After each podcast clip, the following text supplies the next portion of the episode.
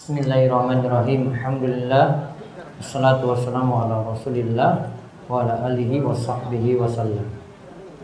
Baik, Bapak Ibu-ibu, para jamaah sekalian, Bonifiddin wa Fatifillah rahimani wa rahimakumullah. Tadi kita telah bahas terakhir pembahasan apa? Maulid Nabi. Tadi paling ada yang senyum-senyum ya. Aduh, ternyata dulu seperti ini. Mungkin-mungkin dapat hidayah. Baik, sekarang bahasan ke-41.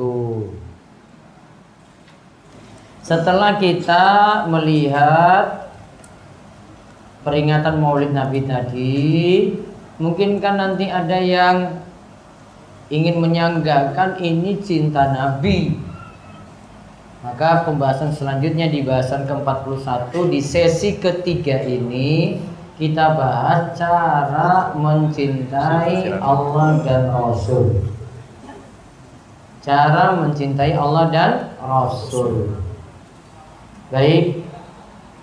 184 halaman 184. Monggo dibaca.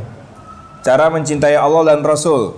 Bagaimana cara kita mencintai Rasulullah Sallallahu Alaihi Wasallam sudah dijelaskan secara gamblang di dalam Al-Quran maupun hadis Nabi Sallallahu Alaihi Wasallam. Allah berfirman, katakanlah, jika kalian benar-benar mencintai Allah, maka ikutilah aku. Niscaya Allah akan mengasihi kalian dan akan mengampuni dosa-dosa kalian. Dan Allah Maha Pengampun lagi Maha Penyayang. Quran surat Ali Imran ayat 31. Baik. Kita lihat. Namun sebelumnya Uh, untuk ibu-ibu di bawah yang mau mengikuti pengajian di Pelayan dengan kajian Muslimah Gunung Kidul, silakan daftarkan ada kertas di situ yang dibawa, biar nanti untuk persiapan kendaraan menuju ke sana. Nanti pengajiannya jam pada asar sampai jam setengah lima. Baik. Kul in kuntum tuhibbunallah jika kalian benar-benar cinta pada Allah fattabi'uni ikutilah aku. Yaitu ikutilah nabi. Yuhibbukumullah Allah mencintai kalian wa yaghfir lakum dan Allah akan mengampuni kesalahan kalian wa yaghfir lakum dzunubakum Allahu ghafurur rahim dan Allah itu maha pengampun lagi maha pengasih. Di sini ayat ini menunjukkan pembuktian siapa yang mencintai Allah tandanya adalah dia mencintai Nabi dengan mengikutinya. Tanda cinta Allah adalah dengan ittiba, mengikuti petunjuk Nabi kita Muhammad Sallallahu Alaihi Wasallam. Berarti kalau tidak mengikuti petunjuk Nabi tidak disebut mencintai Allah. Standarnya apa? Ikuti tuntunan Nabi, Nabi Sallallahu Alaihi Wasallam. Coba lagi lihat hadis berikutnya nomor dua. Dua, Rasulullah Shallallahu Alaihi Wasallam bersabda, tidaklah sempurna iman salah seorang dari kalian hingga aku lebih dia cintai daripada orang tuanya, anak-anaknya, dan segenap manusia. Hadis ini diriwayatkan oleh Al Bukhari. Ayat di atas menjelaskan bahwa wujud kecintaan seorang kepada Allah adalah dengan mengikuti apa yang dibawa oleh Rasulullah Shallallahu Alaihi Wasallam, menjalankan apa-apa yang beliau perintahkan dan menjauhi segala apa yang beliau larang, sebagaimana yang telah dijelaskan oleh beliau di dalam hadis-hadis sahih. Kecintaan itu tidak bisa diwujudkan hanya dengan banyak bicara tanpa mengamalkan petunjuk, perintah-perintah dan mencontoh perilaku beliau. Adapun hadis sahih di atas mengandung pengertian bahwa tidak akan sempurna iman seorang muslim sebelum dia mencintai Rasulullah Shallallahu alaihi wasallam melebihi cintanya kepada anaknya, orang tuanya dan manusia seluruhnya. Bahkan di dalam hadis lain disebutkan hingga melebihi cintanya kepada dirinya sendiri.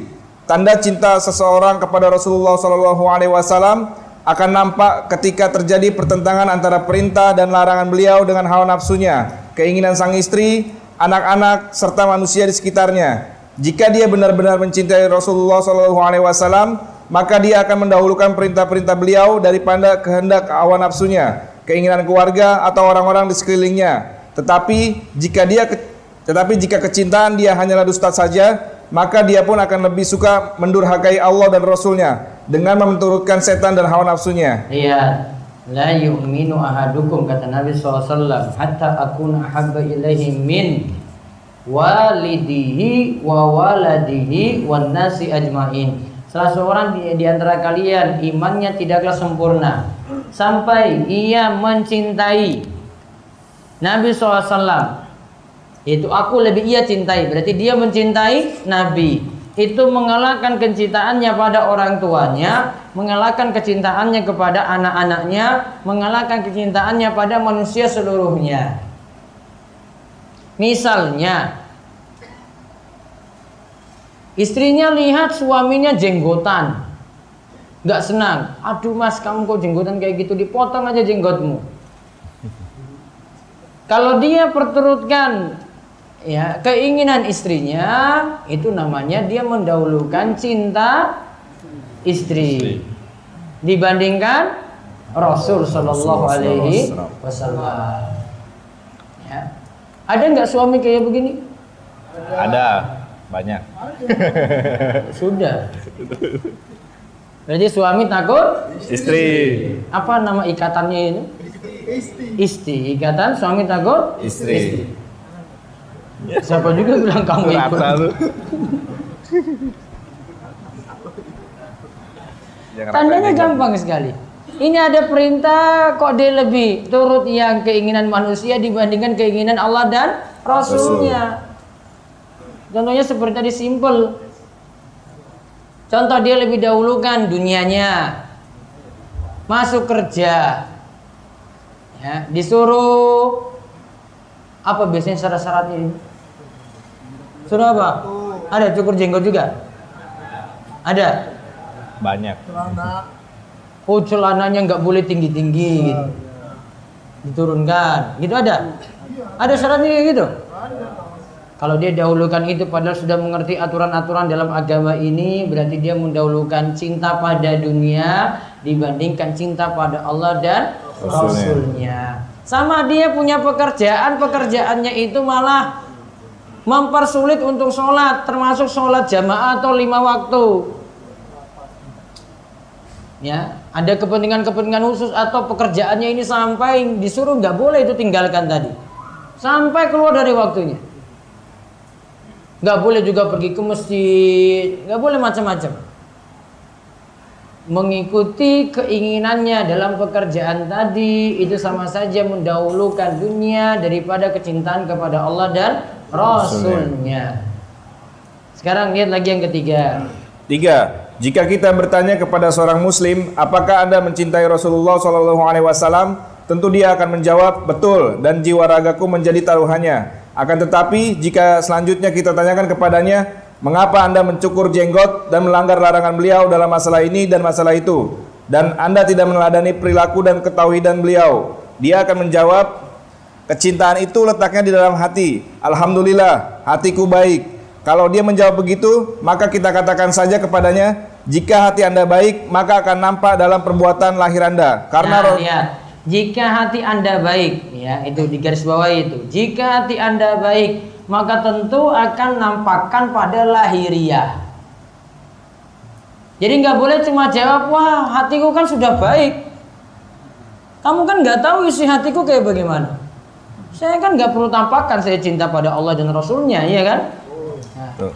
Namun ini kata beliau lihat, jika hati Anda baik maka akan ditampakkan dalam perbuatan lahiriah. Lahiriahnya juga akan ditampakkan baik pula.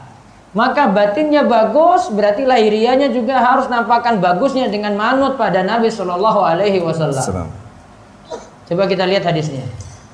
Karena Rasulullah SAW bersabda, ketahuilah, sesungguhnya di dalam tubuh seseorang terdapat sekerat daging. Bila sekerat daging tadi baik, maka akan baiklah seluruh perilaku anggota tubuh lainnya. Namun, bila ternyata jelek, maka akan jelek pula lah seluruh perilaku anggota tubuh lainnya. Ketahuilah bahwa sekerat daging tadi adalah hati. Hadis ini diriwayatkan oleh Al Bukhari dan Muslim. Ya memang berawalnya dari hati, namun amalan lahiriah juga disebut di sini hati baik, maka lahiriahnya juga ikut baik. Baik. Ala wa inna fil jasadi mudghah. Ingatlah di dalam tubuh seorang terdapat sekerat daging. Idza sholahat sholahal jasadu kullu. Jika hatinya baik maka badannya juga ikut baik. Berarti dituntut bukan baik hati saja, baiknya anggota badan juga, lahiriah juga. Berarti dituntut bukan hanya ngurus batin, namun lahiriah juga. Kalau orang sufi itu ngurus batinnya saja. Ya, lahiriahnya rusak nggak apa-apa. Sufi itu keyakinannya kayak gitu. Kamu bambuk nggak apa-apa, yang penting hatimu baik. Paham ini akidah orang sufi ini? Yang penting hati. Kamu selingkuh zina nggak masalah. Yang penting apa? Baik. Baik hatinya. Itu standar mereka itu kayak gitu orang sufi. Rusak luar nggak mikir itu. Paling nanti jawabannya sama dengan ini. Maka saya Muad bin Jamil Zaini juga lagi menyinggung itu sebenarnya. Karena orang sufi yakini seperti itu. Sufi itu prioritaskan manajemen hati saja. Lahirnya nggak diurus. Lahirnya itu kurang mereka. Kalau al wal jamaah ngurus hati, manajemen hati ada, lahiriah juga ada. Nah, lalu lihat beliau cerita di bawahnya. Suatu kali penulis bertandang ke salah seorang dokter muslim. Penulis melihat banyak gambar orang laki-laki dan perempuan terpampang di dinding.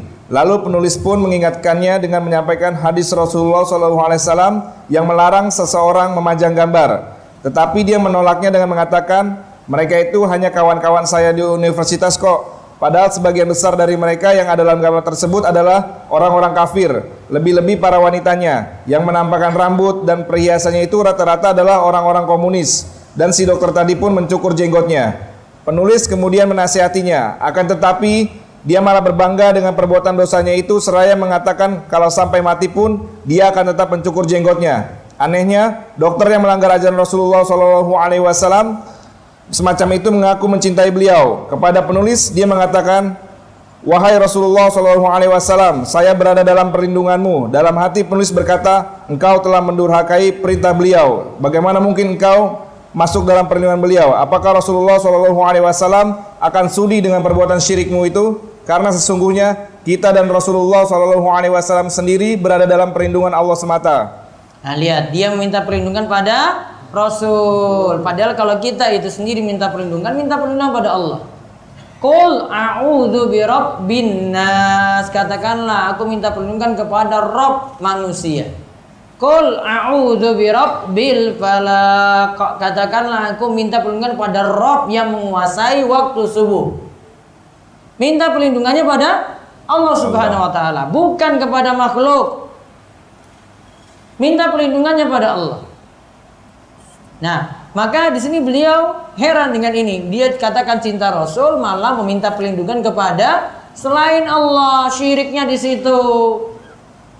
Tambah lagi tadi apa? Majang. Gambar. Apa tadi? Gambar, Gambar. foto. Apa ini mudorotnya ini? Kok sampai dia singgung kayak begitu? Mudorotnya apa? Malaikat rahmat tidak mau masuk.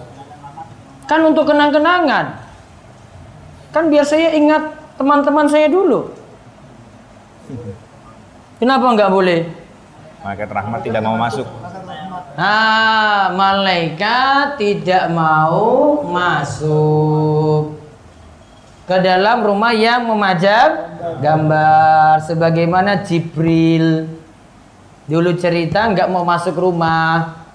Ya ada dua sebab. Malaikat dia katakan saya dan malaikat itu tidak mau masuk rumah karena ada dua sebab dipajangnya gambar dan anjing. Anjing, anjing. dipajangnya di sini kalau di medsos nggak masuk, karena medsos bukan panjang. Karena tutup langsung kan? Tutup. Album dipajang nggak?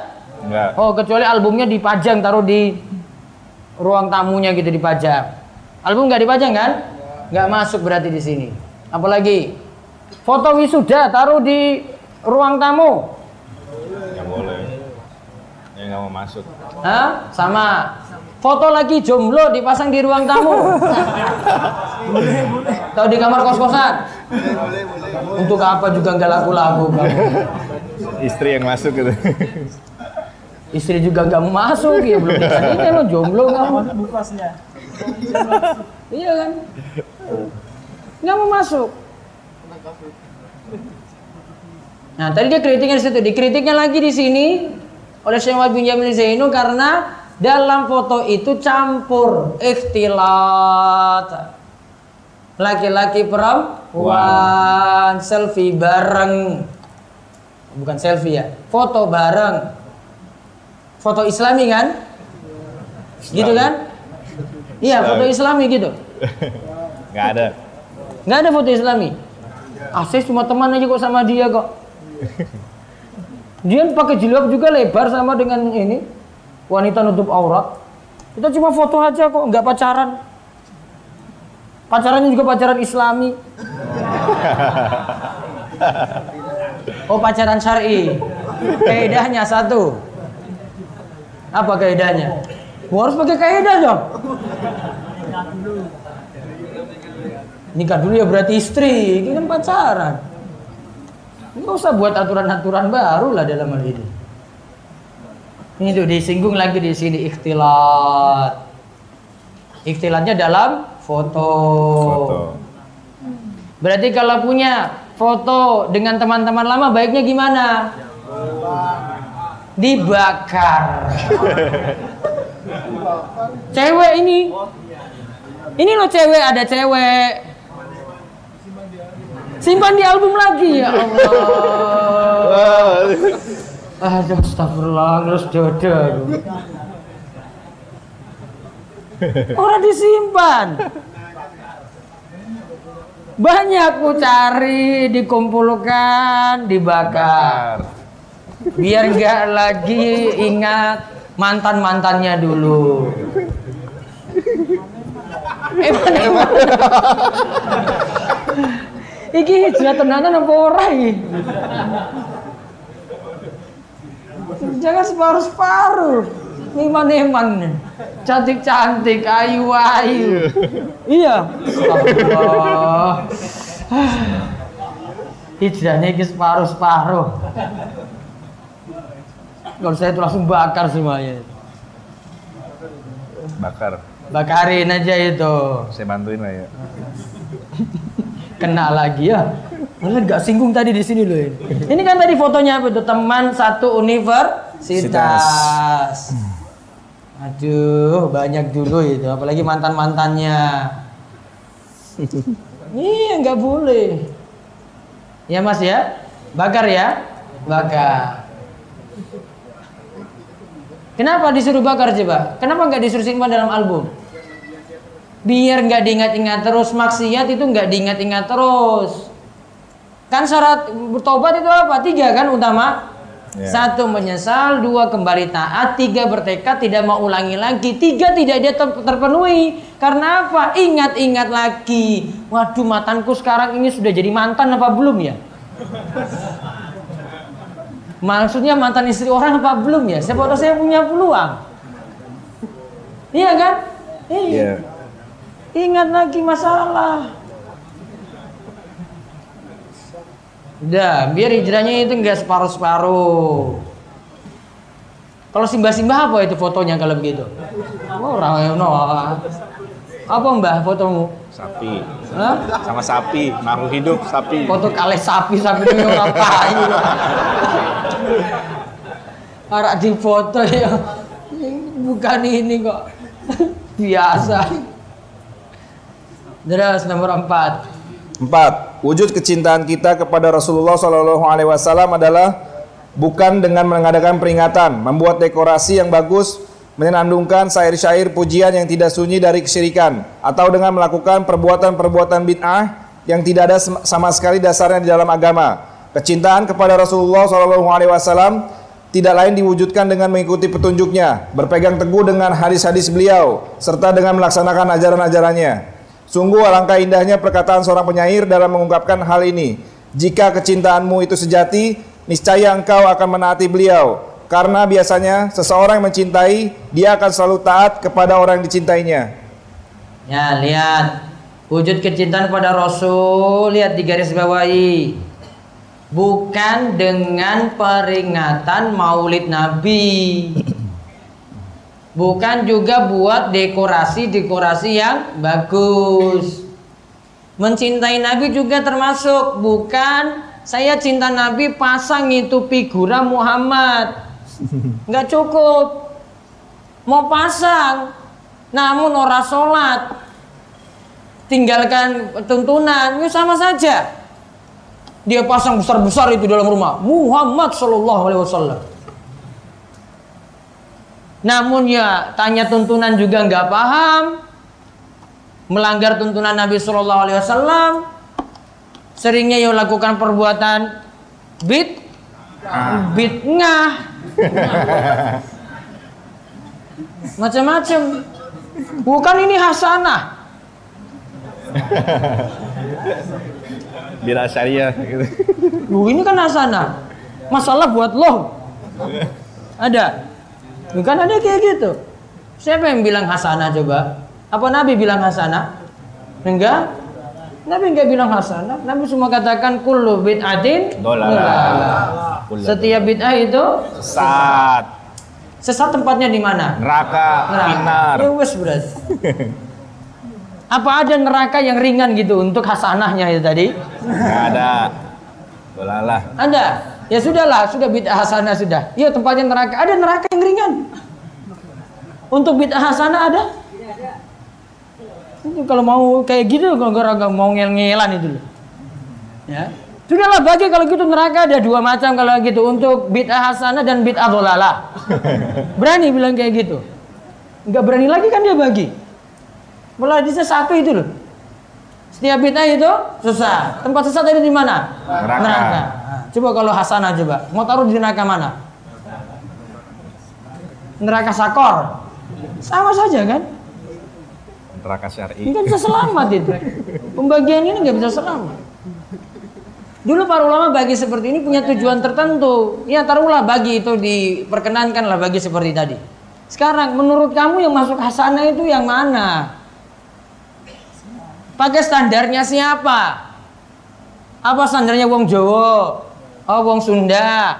Madura ada sini? Ada. Udah. Standarnya beda-beda. Ini Gunung Kidul saja 18 kecamatan. Mungkin orang Rongkop sana dengan Panggang sini beda, sudah jauh sekali.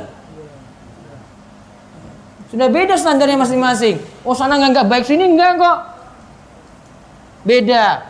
Dengan Delingo saya sudah beda lagi nanti. Imogiri beda lagi. Kan pakai standar masing-masing. Standarnya siapa coba? Ini standar kita masing-masing dong. Nggak jelas berarti ajarannya. Ini mau zikir goyang kepala mau kanan dulu apa kiri dulu beda-beda nanti. Mana standarnya coba?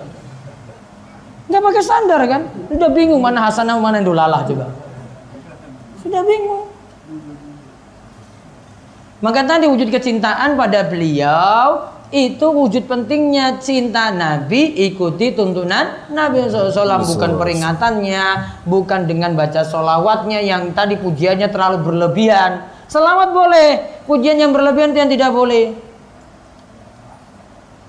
Nah, tadi lalu dibacakan tadi syair yang terakhir. Dikatakan ingkan hubbuka shadiqan la ata'tu innal muhib liman yuhibbu mudhi jika kecintaanmu itu sejati niscaya engkau akan menaati beliau beliau ini siapa Nabi Shallallahu Alaihi Wasallam. Karena biasanya seorang yang mencintai dia akan selalu taat kepada orang yang dicintainya. Berarti tanda taat pada Nabi ikuti tuntunan Nabi Shallallahu Alaihi Wasallam. Tanda cinta pada beliau taat. Ini mana tuntunannya diikuti. Manut pada tuntunan beliau, tidak buat ajaran-ajaran baru sendiri.